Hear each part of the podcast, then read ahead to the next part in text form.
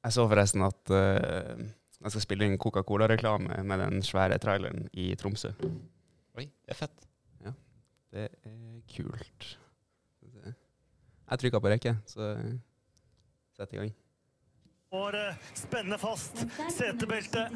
Og for eh, egen sikkerhet så anbefaler jeg at du holder setebeltet fastspent så lenge Halvor Egne Granerud er i lufta. For nå, Granerud Airlines, nå hopper du for din tolvte verdenscupseier. Ja, og nå skal du komme skikkelig godt opp, eh, Halvor. Det er tunge forhold. Kom igjen, da. Gratulerer, Halvor. Takk. Hvordan føles det? Uh, nei, det føles jo litt eh, Ja, veldig kult, og så føles det litt rart. Uh, jeg føler jeg på en måte se Selvbildet har ikke helt klart å følge antall worldcupseiere oppover like, like fort. Så jeg, jeg føler fortsatt er selvbildet er mer på sånn seks-syv nå, kanskje.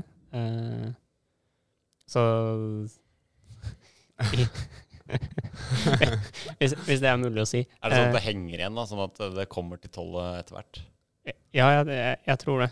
Eh, for det Ja, for meg så føles det veldig rart å på en måte ha gått forbi de Jøkelsøy og alle de, de, de gutta jeg så på på TV da jeg vokste opp, på en måte. Så det føles, eh, føles litt eh, rart, men eh, veldig kult. Det var utrolig kult. Det, måten du gjorde det på også, det var, det var solid med de forholdene som var på slutten. her, og Det var tydelig at det var utfordrende. Um, forresten, uh, jeg skal ta en runde og introdusere hvem som sitter her. Vi sitter her nå med samme panelet som sist, minus Bjerkmann pluss Willumstad, som er ja, Han nekter for det sjøl, men vi kaller han debutant. Uh, første race. Uh, gratulerer med dine første verdenscuppoeng, Fredrik. Tusen takk. Hvordan var det? Det var uh, veldig gledelig. Det var det. Det var uh, et steg å ta, det òg. Så det, vi får bare nyte det mens vi ennå kan. ja, du har vel sikkert eh, høyere målsetning også enn å ta, uh, bare ta poeng, regner jeg med. Ja, det er jo det minste man kan gjøre, er jo på en måte å ta poeng. Eller kan jo starte med å delta, i hvert fall. Ja, det, det begynner ofte der. Ja. Eh, ja, jeg, jeg tror vi skal eh, kjøre en intro, så fortsetter vi etter det.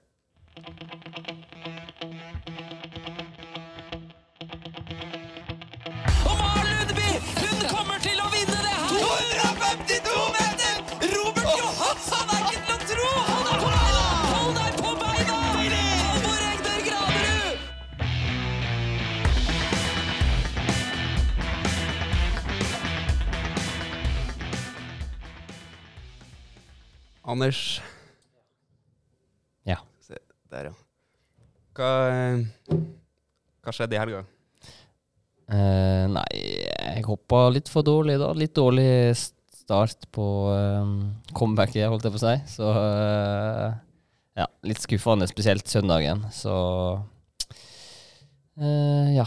For, en, eh, for å ta med meg det eh, starten Altså fått gått gjennom prosedyre og sånn som er litt annerledes enn sist jeg hoppa v-cup og sånn, så det er jo greit å ha litt mer kontroll der. Og så får jeg prøve å hoppe bedre når vi kommer til Finland. Så ja, kanskje litt bedre eh, spor og eh, forhold også.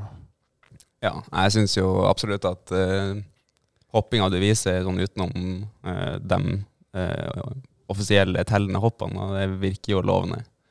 Jeg ser jo absolutt at du har muligheten. Ja, nei, det ble jo veldig pressa fart og eh, ja, kanskje litt for kontrollert hopping da, til å og til, på det nivået her så blir en fort skrella av, da. Så Ja, Pluss tidlig startnummer, dårlig glid, uh, innimellom litt dårlige forhold. Så det er, det er mye faktorer som spiller inn her for at det plutselig kunne sett veldig annerledes ut. da. Ja, men eh, så fikk jeg fin hoppøkt eh, før i dag, så det var smooth å få prøvd litt forskjellig. Og så eh, er det bare rett eh, blikket mot neste mulighet. Jeg ser det til. Så Ja. Det er, var jo en veldig god norsk helg, eh, sett under ett. Eh, vi var litt uheldige med Anders der, men ellers så Jeg vet ikke, er vi på andreplass i nasjonscupen? eller er vi på første? Ja. Første? Tror vi er ca. 40 poeng bak Tyskland. Så vant vi søndagen som nasjon. Ja. Det, nei, det var en, ja, en bra vers. I hvert fall søndagen var veldig bra. da. Der vi hadde flere som valgte å klatre litt på listen. Um, ja. Noe mer eh, Du da, hva du sier Deg sjøl? Topp ti, det er sterkt. Jo, eh, nei, det har jo ikke vært så mye topp ti i, i fjor og sånt som, eh, som tidligere år, så jeg er veldig fornøyd med å, å kare meg inn der. Og såpass tidlig i sesongen også, så jeg gjorde det utrolig godt. Og i hvert fall etter å ha knota veldig på, på treninga, så, så var jeg liksom veldig på leit og gjorde ekstra godt av å få, få det positive svaret på søndag. Så og en veldig mye bedre start enn i, enn i fjor. Absolutt. Det, det kan man trygt si. Og også det at jeg, men jeg har hele tida følt på trening også frem til egentlig frem til midtstua, når vi har holdt på gå på is, at jeg, at jeg holder på på et nivå som er, er et helt annet, i hvert fall. Så eh, trua også har vært ganske mye, ganske mye høyere enn på samme tid i fjor. Så jeg også gleder meg veldig til, til Ruka. You can see I have a blue eye. You should have seen the other guy. Oh, I'm feeling okay, but I'm a bit stiff. Ja, eh, jeg har tenkt å, eh, å eh, gå videre her med noen facts, eller fun facts, kalte jeg det først, men så innså jeg jo at det var ikke så utrolig mye fun eh, i det her. Men eh, kan starte med Nishti Tagil, eh, som er Det ho- holder til i Eller holder til Det finner sted i Sverdlovsk oblast, 25 km inn i Asia fra Uralfjellene. Eller vi er vel i Uralfjellene, vet ikke. Halvor. Nei, altså vi er i, eh, vi er i Sibir, eh, og Sibir er jo definert som eh, alt øst for eh, Uralfjellene. Så eh, jeg, jeg, jeg føler jo ikke at vi er i noe fjellkjede akkurat nå, så da er vi øst for Uralfjellene og ikke i, tenker jeg da. Ja. Ellers da så er arealet på 297,5 kvadratkilometer. Det er ca. på størrelse med Fredrikstad, hvis man skal sammenligne med, Ja. med vårt hjemland. Eh, innbyggere. det her er litt interessant, fordi eh, jeg så folketellinga i 2012. Så var innbyggertallet 358 651. 2002, eh, ti år før, så var det nesten 40 000 flere innbyggere. Eh, og i 1989 så var det ja, nesten 100 000 flere innbyggere enn eh, i 2012. Eh, som for øvrig er 48. mest befolka byen i Russland. Men jeg vet ikke, folketallet tyder på at det svinner her, i hvert fall. Ja. Vi har ikke sett så mange, eh, egentlig, mens vi har vært der nå, i hvert fall. Nei, nei, men det, det er jo litt som, som Russland for øvrig òg. Altså, Russland er jo et land som Det blir jo bare færre og færre mennesker her. Eh, og ja det, det blir vel ikke født nok i forhold til hvor mange som forsvinner. Så Nei, befolkninga ser jo ganske gammel ut stort sett uansett hvor du, hvor du er. Det er gamle damer som vugger seg bortover i svære pelskåper. Og det, det kan jo også ha en liten sammenheng med når på dagen vi er ute og vandrer, da. Det, det er stort sett uh, gamle damer som vugger seg bortover i, i Norge òg, hvis man er uh, ute midt på dagen i normal arbeidstid. Så. Sant. Ja. Uh, jeg pløyer videre. Uh, første russiske damplokomotiv ble lagd i byen her i 1833. Rått. Jeg trodde byen var kjent for uh, tanksproduksjon, ja. vi kommer dit. Okay. Det er uh, en av de ikke, høyeste produksjon, produksjonstallene på uh, tankser og stridsvogner i Russland her. Fant du informasjon om det? Uh, ja, altså Ja. Det, det står ganske tidlig i Wikipedia-sida. Bekrefta. Wikipedia bekrefta, det er en egen, egen type bekrefta. Ja, for vi hørte jo første gang at det var en veldig stor traktorfabrikk her. Ja, og det også skal jeg si. Eh, Det står traktor slash tengsfabrikk. Det, det var noe sånn som at den traktorfabrikken kan de eh, skru på bryteren og gjøre til tanksfabrikk eh, og produsere 100 000 tanks i uka eller noe sånt. Ja, det er det jeg har hørt før, men hvor sant det er, vet ikke jeg. Det høres helt hinsides ut, det. da. Men får ta det med en klype salt. Eh, Kilden min er Anders Fannemel. ja. Eh, ellers da så har de eh, et ishockeylag som heter noe så russisk som Sputnik. Ja. Sputnik Nizjnij Tagil. De spiller på nest øverste nivået.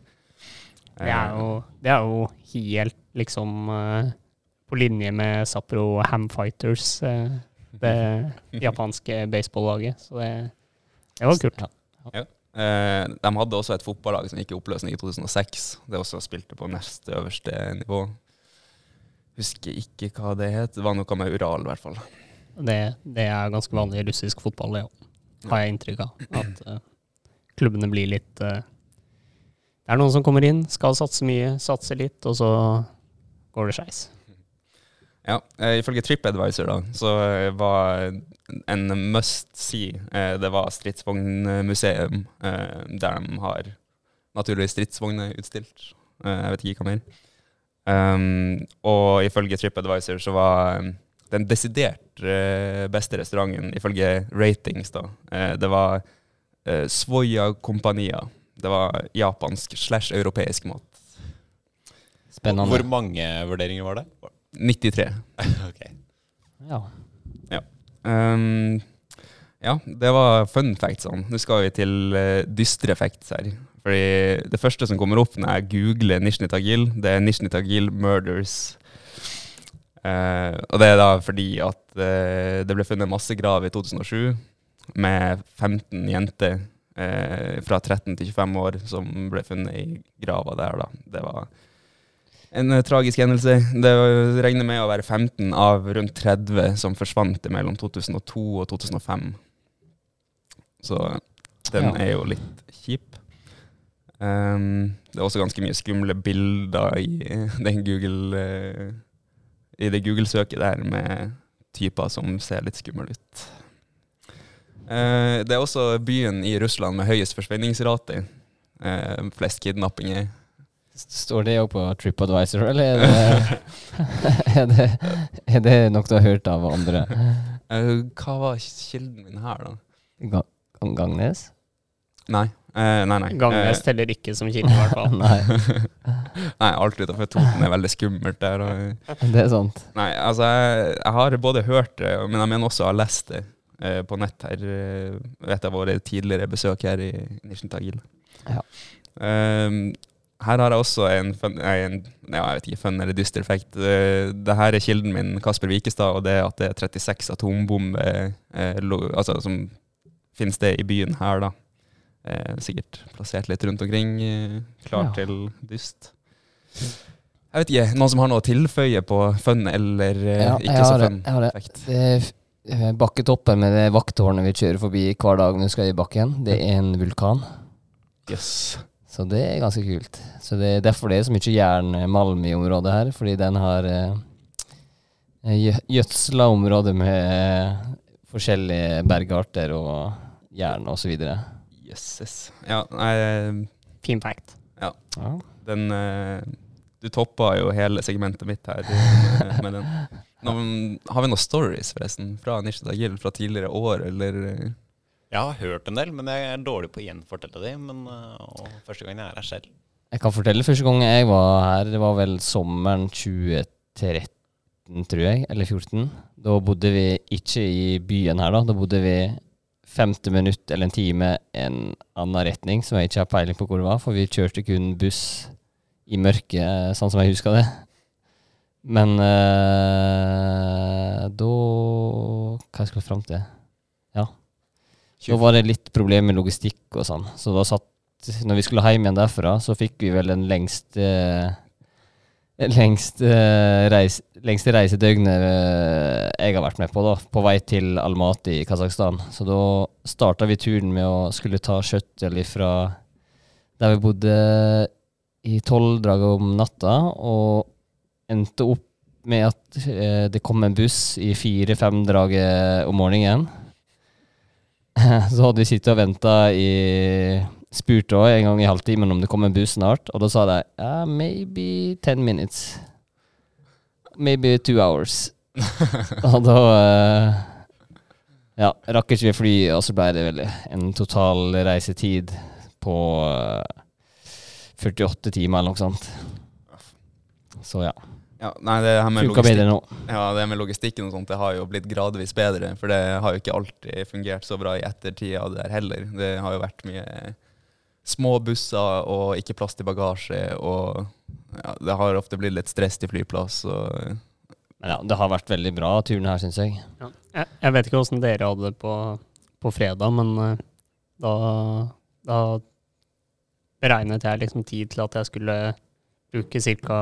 20 minutter til bakken og være i bakken sånn 40 minutter før start, start trening. Og det, det var jo et tidspunkt veldig mange andre også tenkte at de skulle dra på. Så jeg var nede i, nede i resepsjonen her ti over, eh, ti over en time før. Og ankom bakken fem minutter før start trening. Så akkurat, eh, akkurat den eh, fredagen her så var ikke logistikken helt maks. Men eh, det kom seg heldigvis veldig bra utover, utover helgen. jeg så vel dagen etterpå allerede, så sto vel tre-fire-fem busser lina klar eh, utenfor hotellet. Så de tok til seg det. Det var nesten litt dramatisk for deg på fredagen da, Alvor. Nei, nei, Jeg var rolig som uh, skjære på tunet, men det var vel andre der som hadde dårligere tid enn meg. Ja. Det er stille, Wilhelmstad. Har du noe eh, på hjertet? du? Har jo egentlig ikke det, sånn sett. Men uh, logistikken eh, med shutteren på fredag var jo at uh, de var jo litt forsinka fra start, egentlig. Og Fannmel og Tande var jo først i bakken og hadde ikke garderobenøkkel. Så det, For den hadde du? den hadde jeg. Så det, jeg var litt stressa på deres vegne på at jeg, jeg hadde nøkkelen. Men uh, man kommer jo alltids fram i tide, og det løser seg alltid for snille gutter. Og Vi har kommet til Andrea Morassi. Et pikenavn, og så litt eh, fleipete kan vi si at han er eh, oppkalt etter mora si. Den er morsom, Arne. Den er det. Ja, morsom, Arne. Um, se. Jeg tenkte vi skulle gå videre til litt aktualiteter nå. Uh, fordi uh, det har jo vist seg at det ikke er så lett å komme forbi den passkontrollen her i, i Russland. Hva, Halvor, hva er det som har foregått i kulissene her? Nei, altså for de som eh, eh, både hørte forrige, forrige podkast og så sendingen på TV, så er det nok en del som kanskje har lurt på at eh, Nent, eller TV3-sendingen, ikke hadde noen eh, reportere, som vi, vi hadde lovet. Men eh, ja, nei, de var med på, på flyet til, til Russland sammen med oss, og så var de med til passkontrollen, og så var det stopp. Eh, fordi ja, de, de hadde ikke visum, eh, så da ble de fratatt passene, og så måtte de sitte på ja, i ingenmannsland på flyplassen i Jekaterinburg i nesten to døgn, tror jeg, før de fikk tilbake passene sine, fikk flybillett til Istanbul, og så München, og så var de hjemme rundt klokka tolv på natta i, i Oslo natt til fredag, tror jeg. Mens vi da dro onsdag, grytidlig onsdag. Eller om det var natt til Ja, enten torsdag eller fredag natt var de hjemme igjen. Så ja, jeg, jeg prata litt med han, eh, han Brede, og det hadde vært eh, hadde jo vært en opplevelse, men eh, ja, nå, nå vurderte de å søke visum til alle resterende land, også. så, så det, Ja, det høres jo helt uh, utrolig ut, men det er jo ikke første gangen det skjer. Uh, det her skjedde jo også i Var det i fjor? Første reisen i fjor. Det var kanskje Nei. første reis. Nei, det for er to år siden. To år siden. Ja. Med Markeng, som også ble stoppa i passkontrollen. Så ja, det Men, men han hadde jo visum, hadde han ikke det? Var det ikke greia der at uh, passet hans uh, gikk ut innenfor uh, tre måneder eller noe sånt? Jo. Du må ha gyldig pass i tre måneder eller et halvt år frem i tid for, å, for at visum også skal være gyldig. Ja, så den var litt Han ble finta ut der, på en måte. Uh, men det er uansett uh, utrolig det at man skal bli stoppa der etter å bli, ha reist, reist hele veien. da. Men kommer ikke Marking inn uh, til lørdagen, da? Han fløy hjem, og så heiv han seg på nest, eh, tok et eh, nødpass eh, på Gardermoen, vel. Så fløy han eh, tilbake igjen. Ja. Han kom, eh, han kom vel på nattestid før konkurransen eh, inn hotelldøra her, og eh, gjorde vel sin beste eh, konkurranse i verdenscupen. Ja, han, ble femmer eller noe sånt, så det Ja, jeg skal ikke si Jeg har jo sjøl, eh, før OL i Sotsji, så mista jeg passet mitt eh, Eller fant ikke igjen passet mitt dagen før avreise, så jeg måtte eh, ordne meg nødpass til eh, OL i Sotsji. Og når jeg kom fram eh, i Sotsji, da, så eh, sto jeg med nødpasset mitt, og da sa de bare eh, 'Hvor er passet ditt?' og da ble jeg stående der, eh, og det kom eh, en høyere rangert politimann i minuttet cirka, eller hvert femte minutt. Så det starta med en person som ikke hadde hatt, for å beskrive, beskrive situasjonen. Og så kom det en person som hadde hatt, og så kom det en s- person som var enda større hatt, og så til slutt så hadde han siste politimannen hadde så stor hatt at uh, han var ganske høyt. Jeg tror han var sjef for flyplassen, jeg. Og så, uh, men da, da var det nødpasset mitt, da det inneholdt Da hadde hun som skrev passet, skrevet, begynt å skrive et tretall i stedet for ett-tall på fødselsårstallet eh, mitt. Så det, det sto liksom feil årstall på passet mitt, og det var det som ikke funka helt til max. da. Så da sto jeg litt lenge, men ja. Kom jeg inn, da. Og du ble, du ble fem i det ordet, gjorde du ikke det? Jo, i Solbakken i hvert fall. Ja. Nei, så det, det er jo tydelig at uh, hvis du sikter på femteplasser i, eh, I konkurranser i Russland, så er det passtrøbbel som er, eh, er veien å gå. Ja. Men det ordner seg, da. Litt stress der som gjør at du, du holder deg på tå hev i, i Russland. Ja. Det, eh, ellers, da, så eh, Jeg vet ikke om det var fredagen vi skulle tilbake igjen. Jeg kom ned ut heisen, og så satt det noen eh, hvite frakker eh, i resepsjonen der, klar til å plukke med seg Vi hadde en koronatest, en PCR-test her på, på morgenen Hvilken dag var det? Lørdag. Lørdag, ja. Så ja, når vi skulle dra tilbake, da, så satt de der klar og huka med seg to eller tre stykk. Tre. Tre. Og eh, ja, det, hva tenker vi gutta? Eh, får det litt nærme på her nå? Ja. Ja. Får jo plutselig følelsen av at uh, det er mulig å teste positivt og ikke negativt. Du slutter jo nesten å tro at uh, det er mulig etter x antall hundre negative tester. Jeg kan fortelle det, Fredrik, at det er uh, faktisk mulig å teste positivt. Ja, det er jeg fullt klar over, men du glemmer det litt. Nei. Nei, jeg har ikke glemt noe. Vi skal ta en ny PCR-test i morgen, og jeg kjenner at jeg er nervøs for den. Kanskje vi har rukket å hadde en sånn inkubasjonstid her nå. eh, Ja, jeg eh, spurte faktisk Kamil hvordan det gikk med han en polskhopperen som uh, testa positivt. da. Han hadde ingen symptom, eh, visstnok. Ja, ja. Ja, Jeg er jo god kompis med han eh, ene som testa positivt òg, og vi sto og prata før lunsjen et par timer eh, etter at testen ble Men lagt. jeg hørte etterpå at den testen var falsk. Ja, han hadde fått retesta seg, da, men eh, du vet jo aldri. Det var noen shaky timer der, må jeg må si. Ja, ja nei, det, det er jo ubehagelig.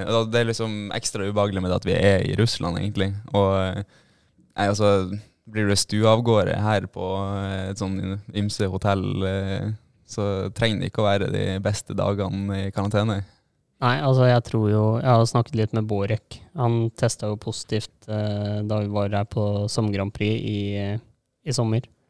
Og det Altså, de, de isolerer jo alle som eh, tester positivt her, inn på på måte koronahus. Eh, og det, det hørtes ikke ut som et sted du måte ønsker å, ønsker å oppholde deg altfor lenge. Så det, det blir en viktig, viktig test i morgen. Eh, viktig å teste negativt her og ja, komme seg nærmere, nærmere hjem. Men eh, vi har vel gjort så godt vi kan og tatt alle forholdsregler for å holde oss friske, så ja, jeg tror det går bra. Håper jeg. Jeg er fortsatt nervøs, men det skal, det skal gå bra. Man er jo alltid nervøs. Altså, føler jeg, da.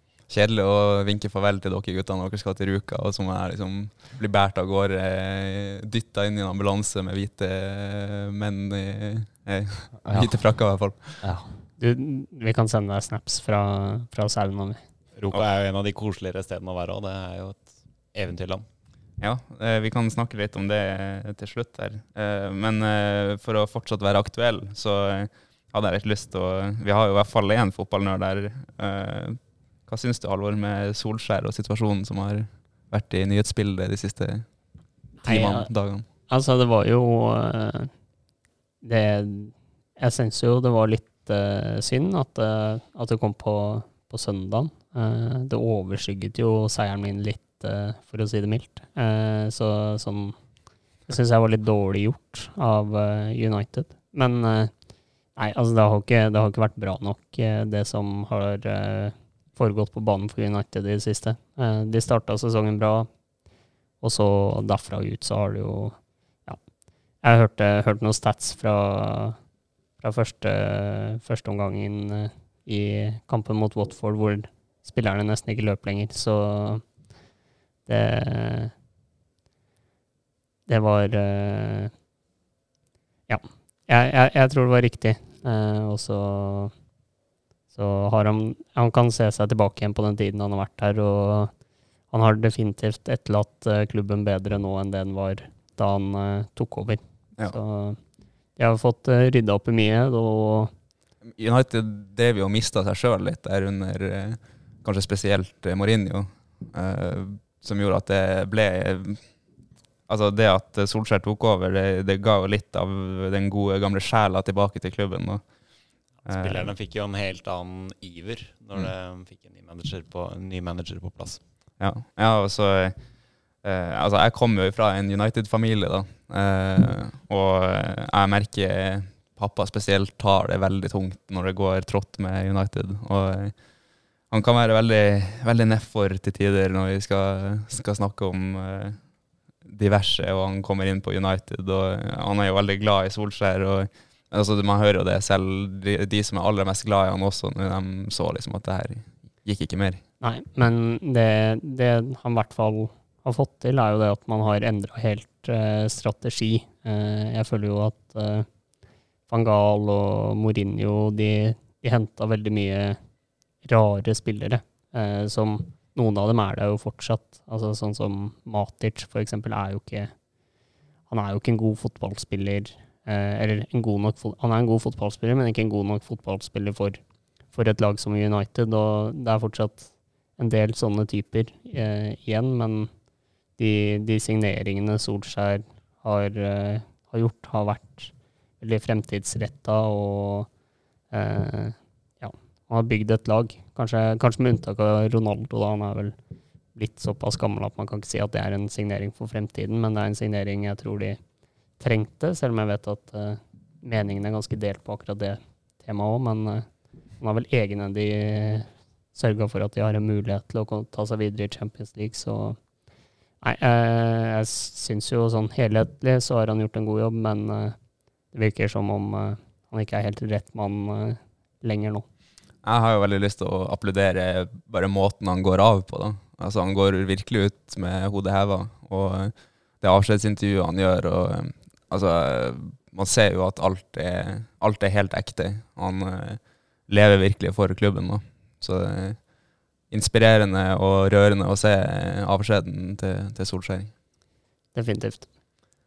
Uh, ja, ellers da, dere, eh, Willum og uh, Fannemel, Følger dere med på fotball om dagen? Nei, jeg heier på Arsenal, så det var jo en eh, fin periode fram til Liverpool-kampen i helga, kan vi vel si.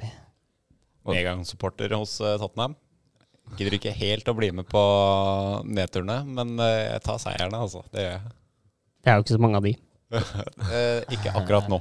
Du må være verdens eneste medgangssupporter av Tottenham. Et lag som ikke har vunnet noe siden 19... 66 eller noe sånt.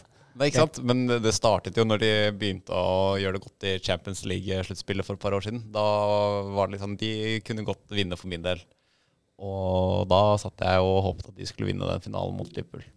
Det, det, jeg, jeg holder, jo på, holder, jo med Arsenal, jeg òg. Eh, men den, den Champions League-finalen husker jeg, den syns jeg var eh, den syns jeg var vanskelig. For altså, det er jo klart, eh, som Arsenal-supporter skal man jo hate Tottenham. Eh, nå syns jeg jo sånn derre norsk sånn er det heter? Anglosisme, hvor man skal liksom være så innmari engelsk av seg og følge alt det. Det syns jeg blir litt, litt eh, rart. Men eh, det er jo såpass mange Liverpool-supportere i både hoppmiljøet og ellers i det miljøet jeg er i, at, og Liverpool-supportere er jo noen av de dårligste vinnerne som, som finnes, er min, min erfaring. Eh, Skal være forsiktig her. eh. nei, men altså eh, Vi får kanskje aldri vite om vi Arsenal-supportere er like dårlige vinnere. Det ser litt mørkt ut. Jeg føler Det- på den. det, det er sant, men eh, Altså Du har jo vunnet litt det siste året, så da Ganske god vinner, da. Jo, takk. Men kanskje ikke i fotballsammenheng, det veit ikke vi. Nei, altså jeg, Du tenner litt mer på pluggene når du spiller fotball enn eh, enn i hoppbakken, i hvert fall, Halvor. Ja, altså Der er det nok litt som uh, vår, uh, vår landslagssjef, Klas, uh, at det er på en måte de, de små seierne er mye deiligere å gni inn enn enn de store. Eh, så jeg er nok eh, jeg er mye verre å ha med å gjøre hvis jeg Ja. vinner i kort enn eh, vinner et hopprenn. Vi, vi, kommer, vi kommer tilbake Ja, vi kommer tilbake til eh, Klass Brede snart, eh, men eh, før det så vil jeg bare en liten apropos her til eh, stort ansvar og trenerrollen. Vi har jo fått en norsk-kinesisk trener. Ja. Ja. En eh, Joakim Aune som har tatt over eh, etter Mika eh, Ja. Veldig spennende ansvar å ta på seg, så ja. Det er vel første helgas nå, så ja. Jeg ønsker han lykke til der. Nei, det, det er bare å si, si lykke til, og så skal vi prøve å holde våre hemmeligheter hemmelige for eh, Aune fremover. da. ja, Det, det, er jo et spennende prosjekt for han å bli med på. Sånn eh, Være med i Kina inn mot OL eh, på hjemmebane for dem. Det står nok ikke på ressursene der. I hvert fall ikke pengemessig. Nei, det er jo et voldsomt regime, da. Som det er veldig strengt uh, for han. Og uh. Ja, vi i bakken i dag så var jo det veldig mange uh, fra Team Kina, eller hva, hva skal jeg kalle det, da, som eh, der jentene hoppa i 90 for de har jo v-cupåpning her neste helg. Og så møtte vi guttehopperne, tror jeg, eller kombinert-hopperne. De hadde hatt ei, ei og en halv times lang eh, langrenns, langrennsøkt eh, på stadion der. Så langrennsøkt. ja, jeg vet ikke om det er hopper eller kombinert, men det lille jeg har prata med Aune da, så trener de to fysiske økter om dagen. Og ja, veldig litt tøffere regime enn vi har eh, treningsmessig, i hvert fall eh, ut ifra det jeg har hørt. De har jo da ikke energi til å hoppe konkurransene egentlig da, kanskje. Nei, litt det. Nei, det er, det er litt vinn eller forsvinn for de kineserne. De Ja, det er jo nok folk, da. Så presterer du ikke, så blir du skuffa vekk. Jeg husker jo når de var i, i Midtstund eh, og trente en hel gjeng delegasjon der, så var det jo et kinesisk mesterskap eh, i Planica. Og da ble jo alle gruppene bare halvert, fordi dere var ikke gode nok. Dere nådde ikke cutten. Nei, Det var vel litt sånn vi feila på det Kina-prosjektet vårt, at vi gikk for tregt opp i bakkestørrelser og sånt. Her, her det han har trent i 40 meter, mens uh, Mika sendte dem utfor i storbakken i Kosamo uh, på samme tida. der. Ja. det er jo imponerende. Han uh, eh, Jeg vet ikke hvordan jeg uttaler navnet. Kibu. Altså. Kibu Song. Jeg hoppa jo rett uh, et, nei, før han på kvaliken på fredag, og han hang egentlig greit med på treninga. og Relativt sett, da. I krevende forhold også, skal det sies. Så ja, imponerende på to og et halvt år, er det? Ja, det er sikkert noe sånt. Han imponerte jo voldsomt i, i Tsjajkovskij i sommer òg. Ja, ble Ja. nummer fem i kvaliken der. Det er, og da hoppa han jo langt også. Han var vel 131 eller noe sånt. da. Jeg tror, jeg tror han persa, faktisk. Altså, det er klart det, det Ja, de har gjort en god jobb der frem til nå. Og så er det jo litt spesiell strategi da, å bytte trenerstab første helga i verdenscupen nå, egentlig. Ja, det er ikke sikkert at Aune er eh, trener i, i, i Beijing heller. Men uh, hvis han gjør det som han eh, planlegger, så gjør han jo det. Ja, altså Han har vel kontrakt til rett over OL, så får vi se om, om det hadde vel Koyokoski òg. Så får vi bare håpe at eh, det fortsetter å være, være kinesiske hoppere i, i fremtiden nå. At det ikke på en måte er fram til eh, siste, siste nedslag har blitt satt i, i bakken i Beijing, og så, så er hele, hele det kinesiske hopplandslaget oppløst. Det, ja, jeg håper at eh, de som kommer opp nå, får, får fortsatt, og at de ja, om ikke med det samme opplegget som det de har nå, men i hvert fall at eh, de får Ki- satse skihoppinga. Ja. ja, det er utrolig Altså, vi heier jo på alle eh, altså i hoppsammenheng små nasjoner, og vil jo gjerne ha med så mange som mulig. Så det at Kina får opp hoppere som begynner å holde følge på lengde og sånt også, det er jo veldig gledelig. Jeg vil jo tro at uh, utøverne sjøl kjenner på suget som uh, gjorde oss hekta. Og det, det kan nok uh, hekte dem òg. Så det, de vil nok forhåpentligvis fortsette. Ja, og så over til eh, Klas Brede Bråten. Imens vi sitter her nå og spiller inn, så kom det push-varsel på VG om at eh, signert eh, kontrakt. Hva tenker vi, boys? Det var endelig. Ja. Det har jo tatt sin tid. Noen som har fått lest saken? Nei. Nei, jeg hadde ikke Her står det Klas Brede Bråten har signert. Slik er avtalen. Eh, ny sjef. Er det da pappa Willumstad? Eh, Det stemmer. Det var det jeg leste, iallfall. ja, gratulerer, Fredrik. Ja, det Nå er har ikke... du vel, eh, nå er du vel tatt ut i OL og alt. eh. det, var, det er bare under bordet, altså, nå, så det kan vi ikke snakke for mye om. Nei, det, det har vel kanskje ligget litt i kulissene når det kom opp som noen eh, forslag her tidligere. Men eh, jeg vet eh, svært mye mindre enn eh, eh, hva som faktisk er tilfellene. Jeg har ikke eh, hatt så mye med det å gjøre. Nei, om noe. ikke noen ting i det hele tatt, for så vidt. Annet enn å hva skal jeg si, prøve å støtte han så godt det lar seg gjøre når det har stått på som tøft uh, midt i klasse å kjøre der. Så nei, det det Vi får uh, satse på at uh, det blir stabilt i hopplandslaget fremover. Ja, og det, det her er jo den, den løsningen jeg i hvert fall opplever at uh, alle har, har ønsket. Uh, og jeg har i hvert fall veldig, veldig troa på, på Ståle, som da faren til Fredrik eh, heter. Og jeg tror det Ja, jeg tror det blir en fin, fin løsning der, og jeg tror de Ja, ledelsen nå kan få jobba og samarbeida godt. Absolutt. Det skal jo også sies at når han eh, for eh, seks år siden, eller hva det blir, når han tok jobben som arrangementsansvarlig, så var ikke jeg så hypp på det, egentlig. Fordi jeg følte at skihopping, det var, det var det jeg som fant, og det var det jeg som syntes var kult. Og han har alltid vært en kjempehyggelig far og støtta som bare rakkeren, og gjør det fortsatt. Men det var liksom skihopping, det var min greie som han ikke skulle ta fra meg, da. Men uh, har Har han hoppa sjøl noen gang, han? bare guttehopper. eh, Han var med å bygge en hoppbakke i hjembygden uh, bygda si da han var liten. Men det var en 12 og, og 20 meter. Så der, der har jo vi, vi noe litt til felles i at vi har begge en, en ivrig pappa som har blitt med oss litt opp gjennom systemene. Så ja. det, er, det er veldig, veldig kult med, med de som Og jeg tror også det er bra at man får inn noen, noen inn i hopp som ikke nødvendigvis er eh, fostra opp med, med bare, bare hopping. Og får litt, eh, litt forskjellige perspektiver òg. Så det, det tror jeg er, eh, er bra at man får litt uh, forskjellige personligheter òg. Absolutt. Så jeg tror han også har mye fra næringslivet og erfaringen sin der å bringe til bordet. Men det langt utenfor mitt fagfelt. Du snakka så vidt her om at eh, det var du som fant skihoppinga. Um, Hvordan fant du skihoppinga?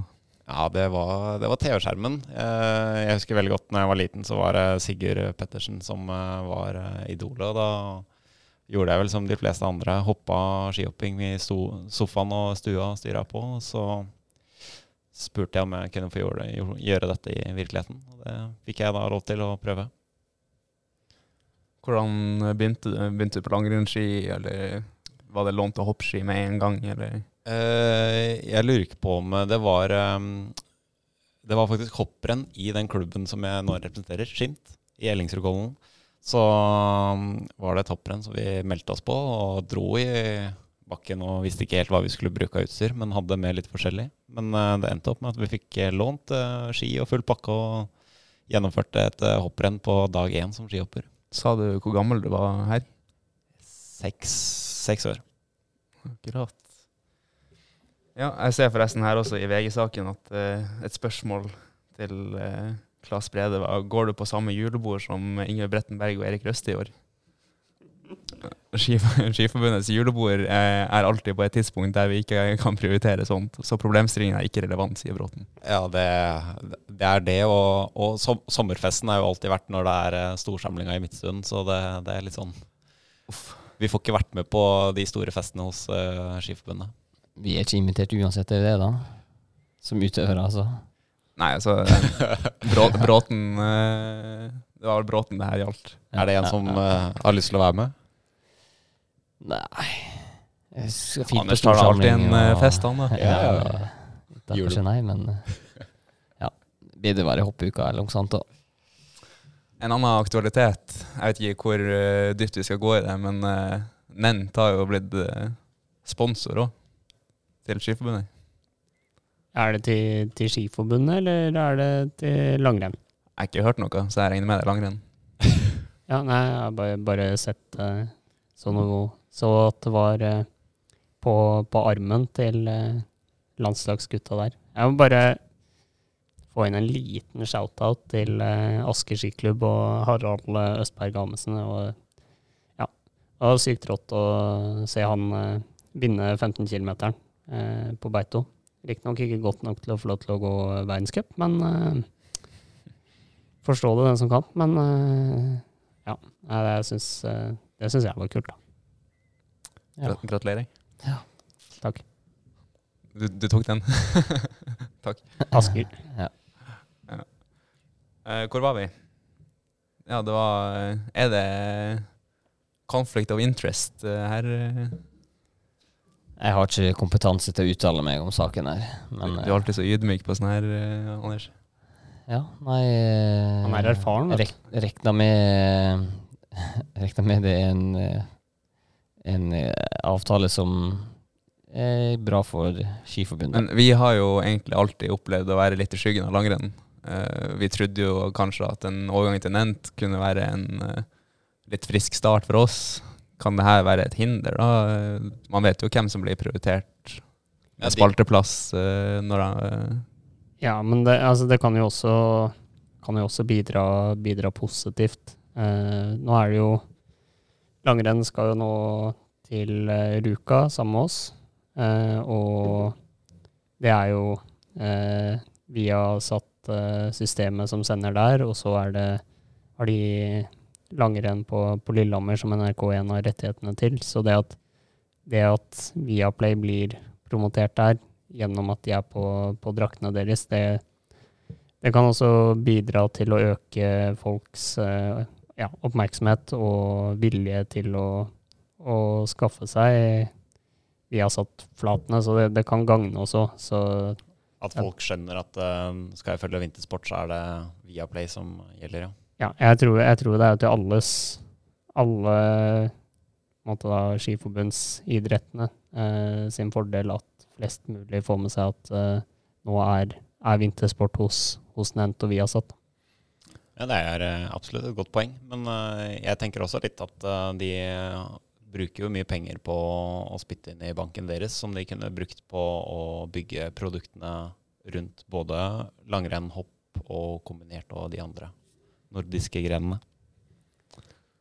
Ja, det er selvfølgelig flere sider, sider til denne saken her. Det, det er i hvert fall veldig, veldig god markedsføring i forhold til målgruppe.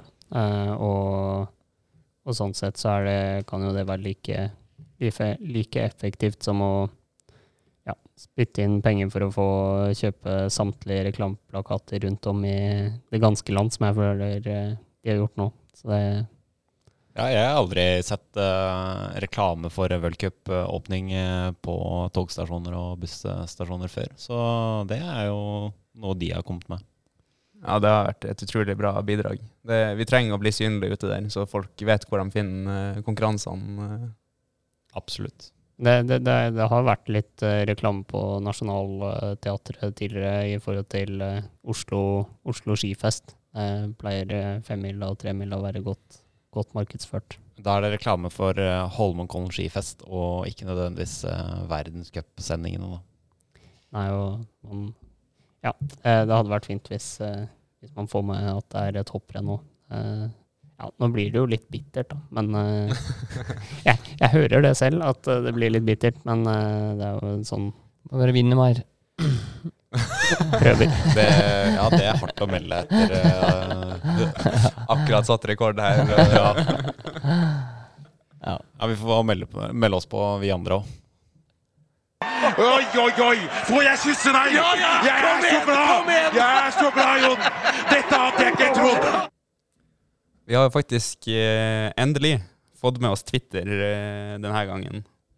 Eh, så nå Jeg sendte ut en eh, liten tweet her eh, i forkant av innspillinga. Spurte om det var noen som hadde noen spørsmål eh, eller noen bidrag til episoden. Eh, der eh, det faktisk kom en del. Så jeg skal finne det fram her. Det er bra det at eh, folk er eh, på og vil ta del i podden. Det, det er veldig bra, og så er det litt mer kritikkverdig at eh, dette ikke lå, lå klart. og Jeg syns Johan har gjort veldig mye bra, riktige og gode forberedelser, så Det har han. Ok, skal vi begynne først her med Kasper Vikstad. Han var kjapt ute. Eh, hvor han eh, eh, skriver at eh, 'gjort mitt for å innføre Granerud Airlines'. Er det et kallenavn Halvor kan eh, være fornøyd med? Og hvordan navn eh, vil dere andre ha når dere sitter på bommen, om det måtte eh, være et? Nei, altså Jeg er veldig fornøyd med det. Eh, og det var jo litt med introen her òg. den uh, setebeltereferansen og sånn, så det, det syns jeg var veldig kult. Det var en eh, gledelig overraskelse da jeg, da jeg så det. Eh, Kasper kommer inn, og det første han gjør, er å kommentere et historisk øyeblikk, som han gjør med stor bravur. Da. Det er altså, han, eh, han eh, strør jo litt spice over eh, hele øyeblikket der med stemmen sin og med engasjementet sitt. ja, ja, ja. Definitivt. Eh, jeg føler jo at eh, Ja. Jeg, er veldig fornøyd. Eh, så da, da går vel egentlig spørsmålet videre til, til dere. Hva, Nå har jo du tatt airlines, så hva i alle dager skal man gå for da? Det er jo litt kjedelig med andre Ja. transportmidler, kanskje. Ja, jeg vil for, for øvrig ikke være lastebilselskap. Det, det er jo luftferd vi driver med. Men eh, de beste kallenavnene finner man jo sjelden opp på sjøl. Willumstad Trøkking. Ja, det er ikke så dumt, det. Trucker greit i kanten, men eh, ja. Krafthopper skjer da. ja. Dere hadde jo en eh, diskusjon på det forrige gang her, og Ja. jeg går jo i den bolken på godt og vondt, jeg. Ja, nei da. Jeg syns det er dårlig på kallenavn. Jeg kommer ikke til å kalle det Granrud Airlines, eh, men det Det blir for langt hvis jeg skal rope Granrud Airlines. eh. Men jeg, jeg, jeg føler jo de, de gutta vi vokste opp med å se på skjermen, eh, de hadde jo så sykt kule, kule kallenavn. Du hadde liksom Gjøken og Ørnen fra Hosle og ja. ja, på en måte Tigeren og Ja. gjøken og Jeg har blitt kalt eh, Håndalskonkorden, da, så jeg kan jo ta, jeg kan jo ta den. Oi, oi, oi. Den, den er fin. Ja, den må faktisk Kasper benytte seg av. eh. Nei, de har jo noen andre må, flyselskap. må bare begynne å fly først.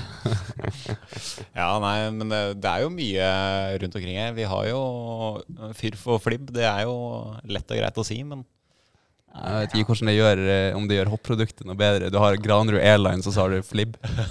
Ja, det ja, Jeg tror ikke det er et kommentatornavn, det. Nei, men eh, er jo Ja, det, det er fint. Da, men det, nå skal være i form for at det skal bli brukt. ja, Ja, Man må ikke misbruke det. Nei. Vi må bare Det er jo Concorde flyr jo ikke altfor mye lenger, men uh, Så har du Wilhelmstad videre Hva heter flytypen her, da? Det var litt ustødig landing på, på lørdag, kanskje? Nei, søndag var det. I går. Ja, det var i går, ja. Det var småflylanding i kraftig sidevind. Ja, ja. ja, det, var litt, det er ikke så feil, det. Det var ordentlig sånn Båtsfjordlanding eh, langt oppe i Finnmark på en liten eh, flystripe der. ja. Mjølkeruta fra Skimt. Ja, nei, nei da, vi, jeg får stå for det fallet. Det er greit, det. ja, det er sånt som skjer. Men, men eh, du fortalte meg jo på, på rommet at du trodde det var eh, første gang du datt i storbakke, og det er jo eh, historisk for deg da, i så fall. Ja, det er i hvert fall en first. Det stemmer. Jeg tror Jeg kan ikke huske å ha gjort det noen gang. Og jeg har ikke hoppa altfor mye storbakke i Norge. Og jeg kan ikke huske å ha tryna verken i Granåsen eller Lillehammer eller Rena. Eller Kollen. Så jeg tror det Kan, kan du stemmer. ramse opp alle storbakkene hoppa i på sånn stående fot? Sånn? Det er ikke langt unna. Det er uh, Garmisch, Oberstdorf, Og vi begynner. Bisch, Ja, ok, ok. Ja. Uh. Snikskryt. Ja. Ja, har ikke vært i hoppuka, så mangler Innsbruck. Ja. Eh, men det er omtrent det jeg har. Og her. Tsjajkovskij, ja. Ja, Ok, det var kanskje Ja. litt mer enn Ja, okay, ok. eh, Du har flibb. Få det på. Skal jeg, jeg, Ramse opp bakkene og hoppe inn. Fra, fra øst til jeg tror jeg hoppa i alle bakkene du kan hoppe i i Europa og Asia. Det er flex. Ja, ikke Beijing. Nei, det har ikke jeg. Og det er jo et helt nytt anlegg i Beijing som jeg ikke visste om før eh, for et par uker siden. Er det ikke en replika? Er de ikke helt like omtrent? Jo, så jeg håper jeg får muligheten til å hoppe i Beijing, da. Men uh, Har du hoppa i Sjusjinsk? nei. Oh. Ja, det rak- rakna det, fasaden. Eh, vi kan gå videre. Eh, et annet spørsmål her er Vi toucha inn på det i stad. Vibeke Lind. Hvordan er dere fornøyd med premieren av Viaplay Vinter? Og hva tenker dere om hvordan hopp blir presentert i den nye drakta? Og det var mange her. Og hva tenker dere om at hopp dyttes ut av TV3 så fort langrenn starter? Dette er jo bare litt av det eh, vi som jobber i TV- og medieindustrien lurer på. Det er jo veldig synd at man ikke får fullført hopprennet på én kanal.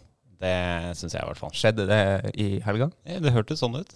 på Nei, men altså, langrenn har jo ikke begynt. Men uh, eh, det er jo litt rart hvis man må prioritere det sånn, med tanke på at uh, eh, det er jo svært sjeldent at vi hopper hopprenn så tidlig som, eh, som langrenn eh, konkurrerer. Eh, Ja. Så vi, vi konkurrerer jo ikke om, om de samme TV-tidene der. Men Der er FIS veldig nøye på å legge opp en komplisert kabal for at det ikke skal krasje.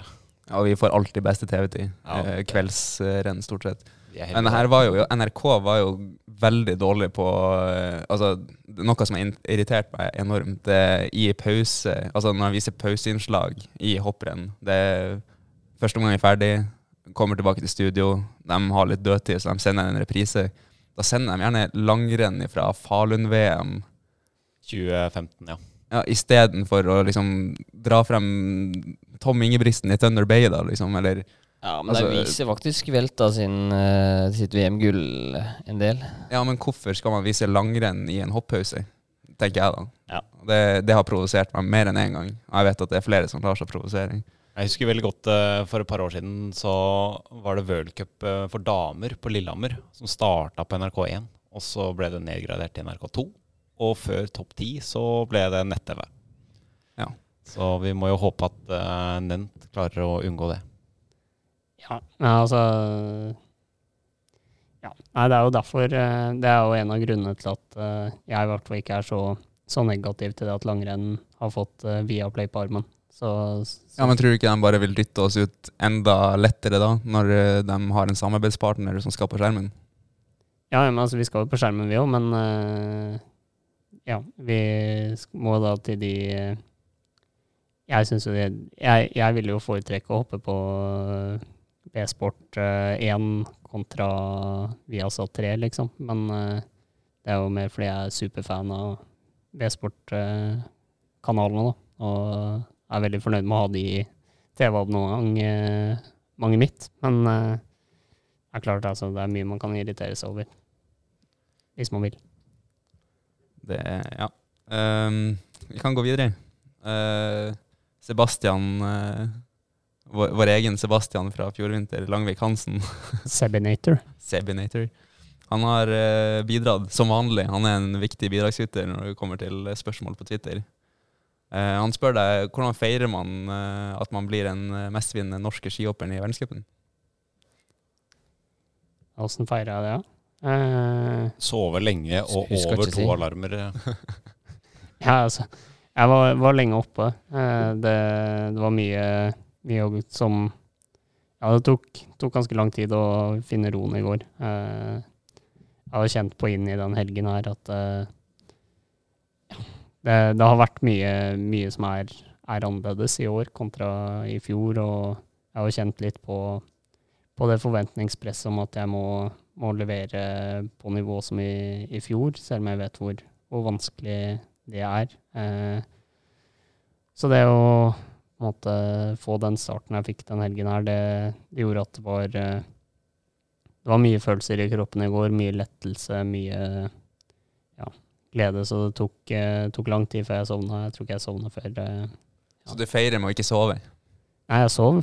Han sov Eh, lenge det, det, det, var, det var bare at jeg sov fra sånn halv ni til, eh, til eh, klokka ett. Så Så ingen På morgenen, altså. Vil, vil du si at, du var, at dette er den seieren du er mest lettet over? Siden det er første seieren i år etter uh, i fjor.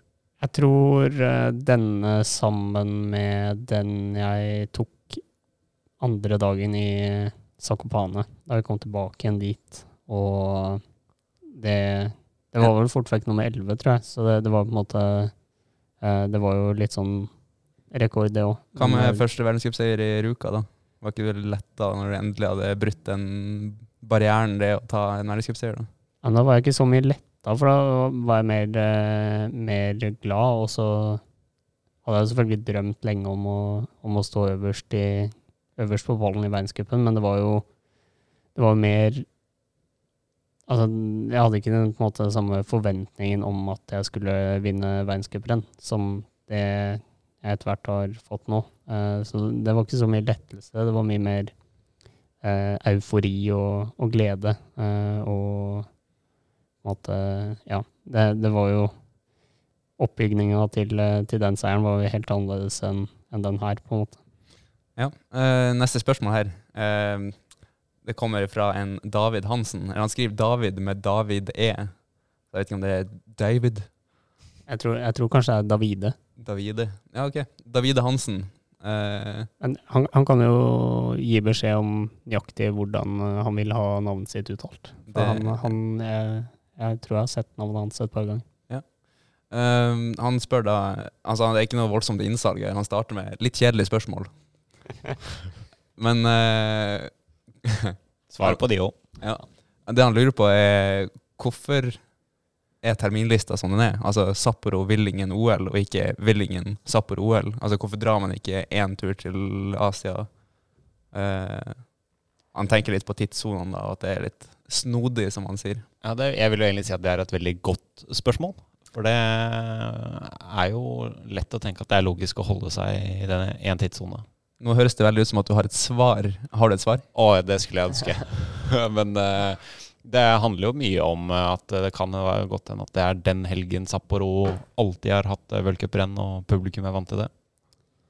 Ja, altså jeg kan Jeg snakket med, med Borek om det i går. Eh, og, og grunnen er at måte, Japan har jobbet veldig hardt for at, man, at de skal få, få til et v-cuprenn igjen, og veldig lyst til å få til et v-cuprenn igjen for, for herrer. Eh, det ble jo avlyst i fjor og, og sånn pga. innreisereglene der. Eh, og det er rett og slett den, den helgen det er mulig å få til. Eh, det, det er ikke mulig etter OL. Og eh, det er vel også, også noe med i, I Sapporo så er det alltid en eh, sånn snøfestival i, i februar. Så jeg husker vi var der på World Cup en gang i februar, og da måtte vi bo, bo langt unna bakkene og eh, Ja, det, det var veldig annerledes. Eh, så grunnen er rett og slett at det var den, den helgen som var ledig. Og så er det klart at uh, det er noe man må, må se på når man kommer dit, om, om det er en, en tur som er verdt å ta i forhold til eh, oppladning til OL. For det, det er jo ikke ideelt å konkurrere klokka to på natta norsk tid eh, den søndagen, og så skal du til, til Villingen. Men det som, som er positivt, er jo det at i, i OL så skal vi konkurrere ganske normal tid igjen. Så konkurransene går klokka tolv på dagen, tror jeg. Så selv om det ser Jeg tror det ser verre ut enn det er, men eh, en sånn tur til Japan er uansett en belastning. Det er jo, World Cup-kalenderen er jo en enorm kabal som skal legges også, så det er noen ganger du må ta de vinduene man får til. Ja. Eh, det var også noen spørsmål fra Petter Tenstad her. Uh, det så ut som at det gikk litt i surr for han. Eh, han starta egentlig altså, ja, Twitter er jo en veldig fin plass, et fint forum å ha debatter og diskusjoner. Eh, han kjørte for øvrig diskusjonen helt med seg sjøl. så her skrev han vel Han starta vel Jeg, jeg tror han har sletta den nå, men han starta med å lure på eh, eh, hvorfor du hoppa for skimt. Og jeg tror han, misforståelsen var vel i det at han trodde at det tilhørte et annet sted rent geografisk. Eh, Det er, jo, det er jo litt sånn eh, rart, da, fordi jeg er jo født eh, Eller jeg er oppvokst da på Ellingsrød i, i Oslo, rett uh, i Groruddalen. Og uh, valgte jo å representere Skimt, som er i Ski, uh, basically. Så det, det, og hoppbakken ligger da i Ellingsrud i Ski. Så det, det er egentlig bare tilfeldig, men det var der vi fant en hoppbakke på nettet og fikk meldt meg på topprenn. Så, så det var ikke for å hoppe på lag med meg i lagkonkurranse for Akershus? Eh, det var det ikke, men eh, jeg er veldig glad for at eh, vi har klart å ta noen Hør på Halvor her. Alt, alt spinner rundt hodet på Halvor her nå. vet du. Det, Ja, du hørte det var jeg som var på laget hans, ja.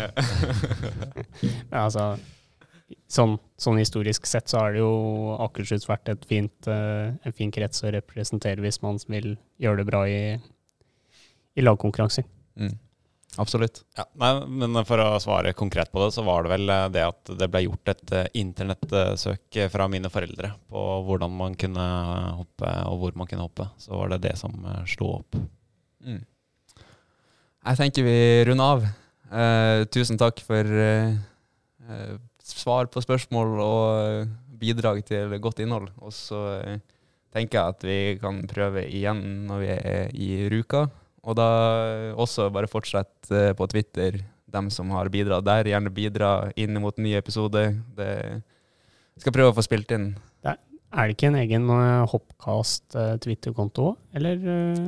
Vi kan kanskje opprette det. Jeg tror ikke det er det. Det er vel Hopplandslaget sin Twitter-konto, og så bruker vi en hashtag eh, Hoppkast. Ja, hashtag Hoppkast, ja. Mm. Så, så hvis dere skulle komme på noen spørsmål i løpet av uka, Mm. som eh, plutselig popper inn, eller dere hører på noe og dere har et lyst til å stille et oppfølgingsspørsmål, så kan det være fint å bare Bruke emneknagg. emneknagg eller hashtag eh, oppkast på Twitter. Riktig. Da eh, tenker jeg at vi går ut på hoppet til Halvor.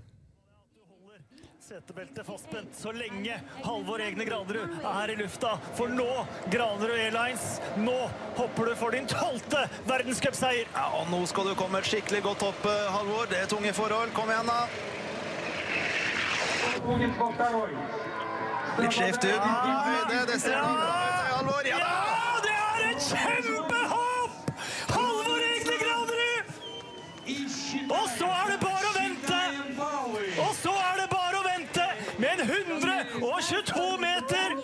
under de forholdene der. Det er en enorm prestasjon! Ja, det er et fantastisk hopp. Han har vel eh, blant de verste forholdene i andre omgangen. Og han slår knockout på Geiger her i dag. Halvor Egner Granerud! Радуется Хальва Рагнар Гранерud. А теперь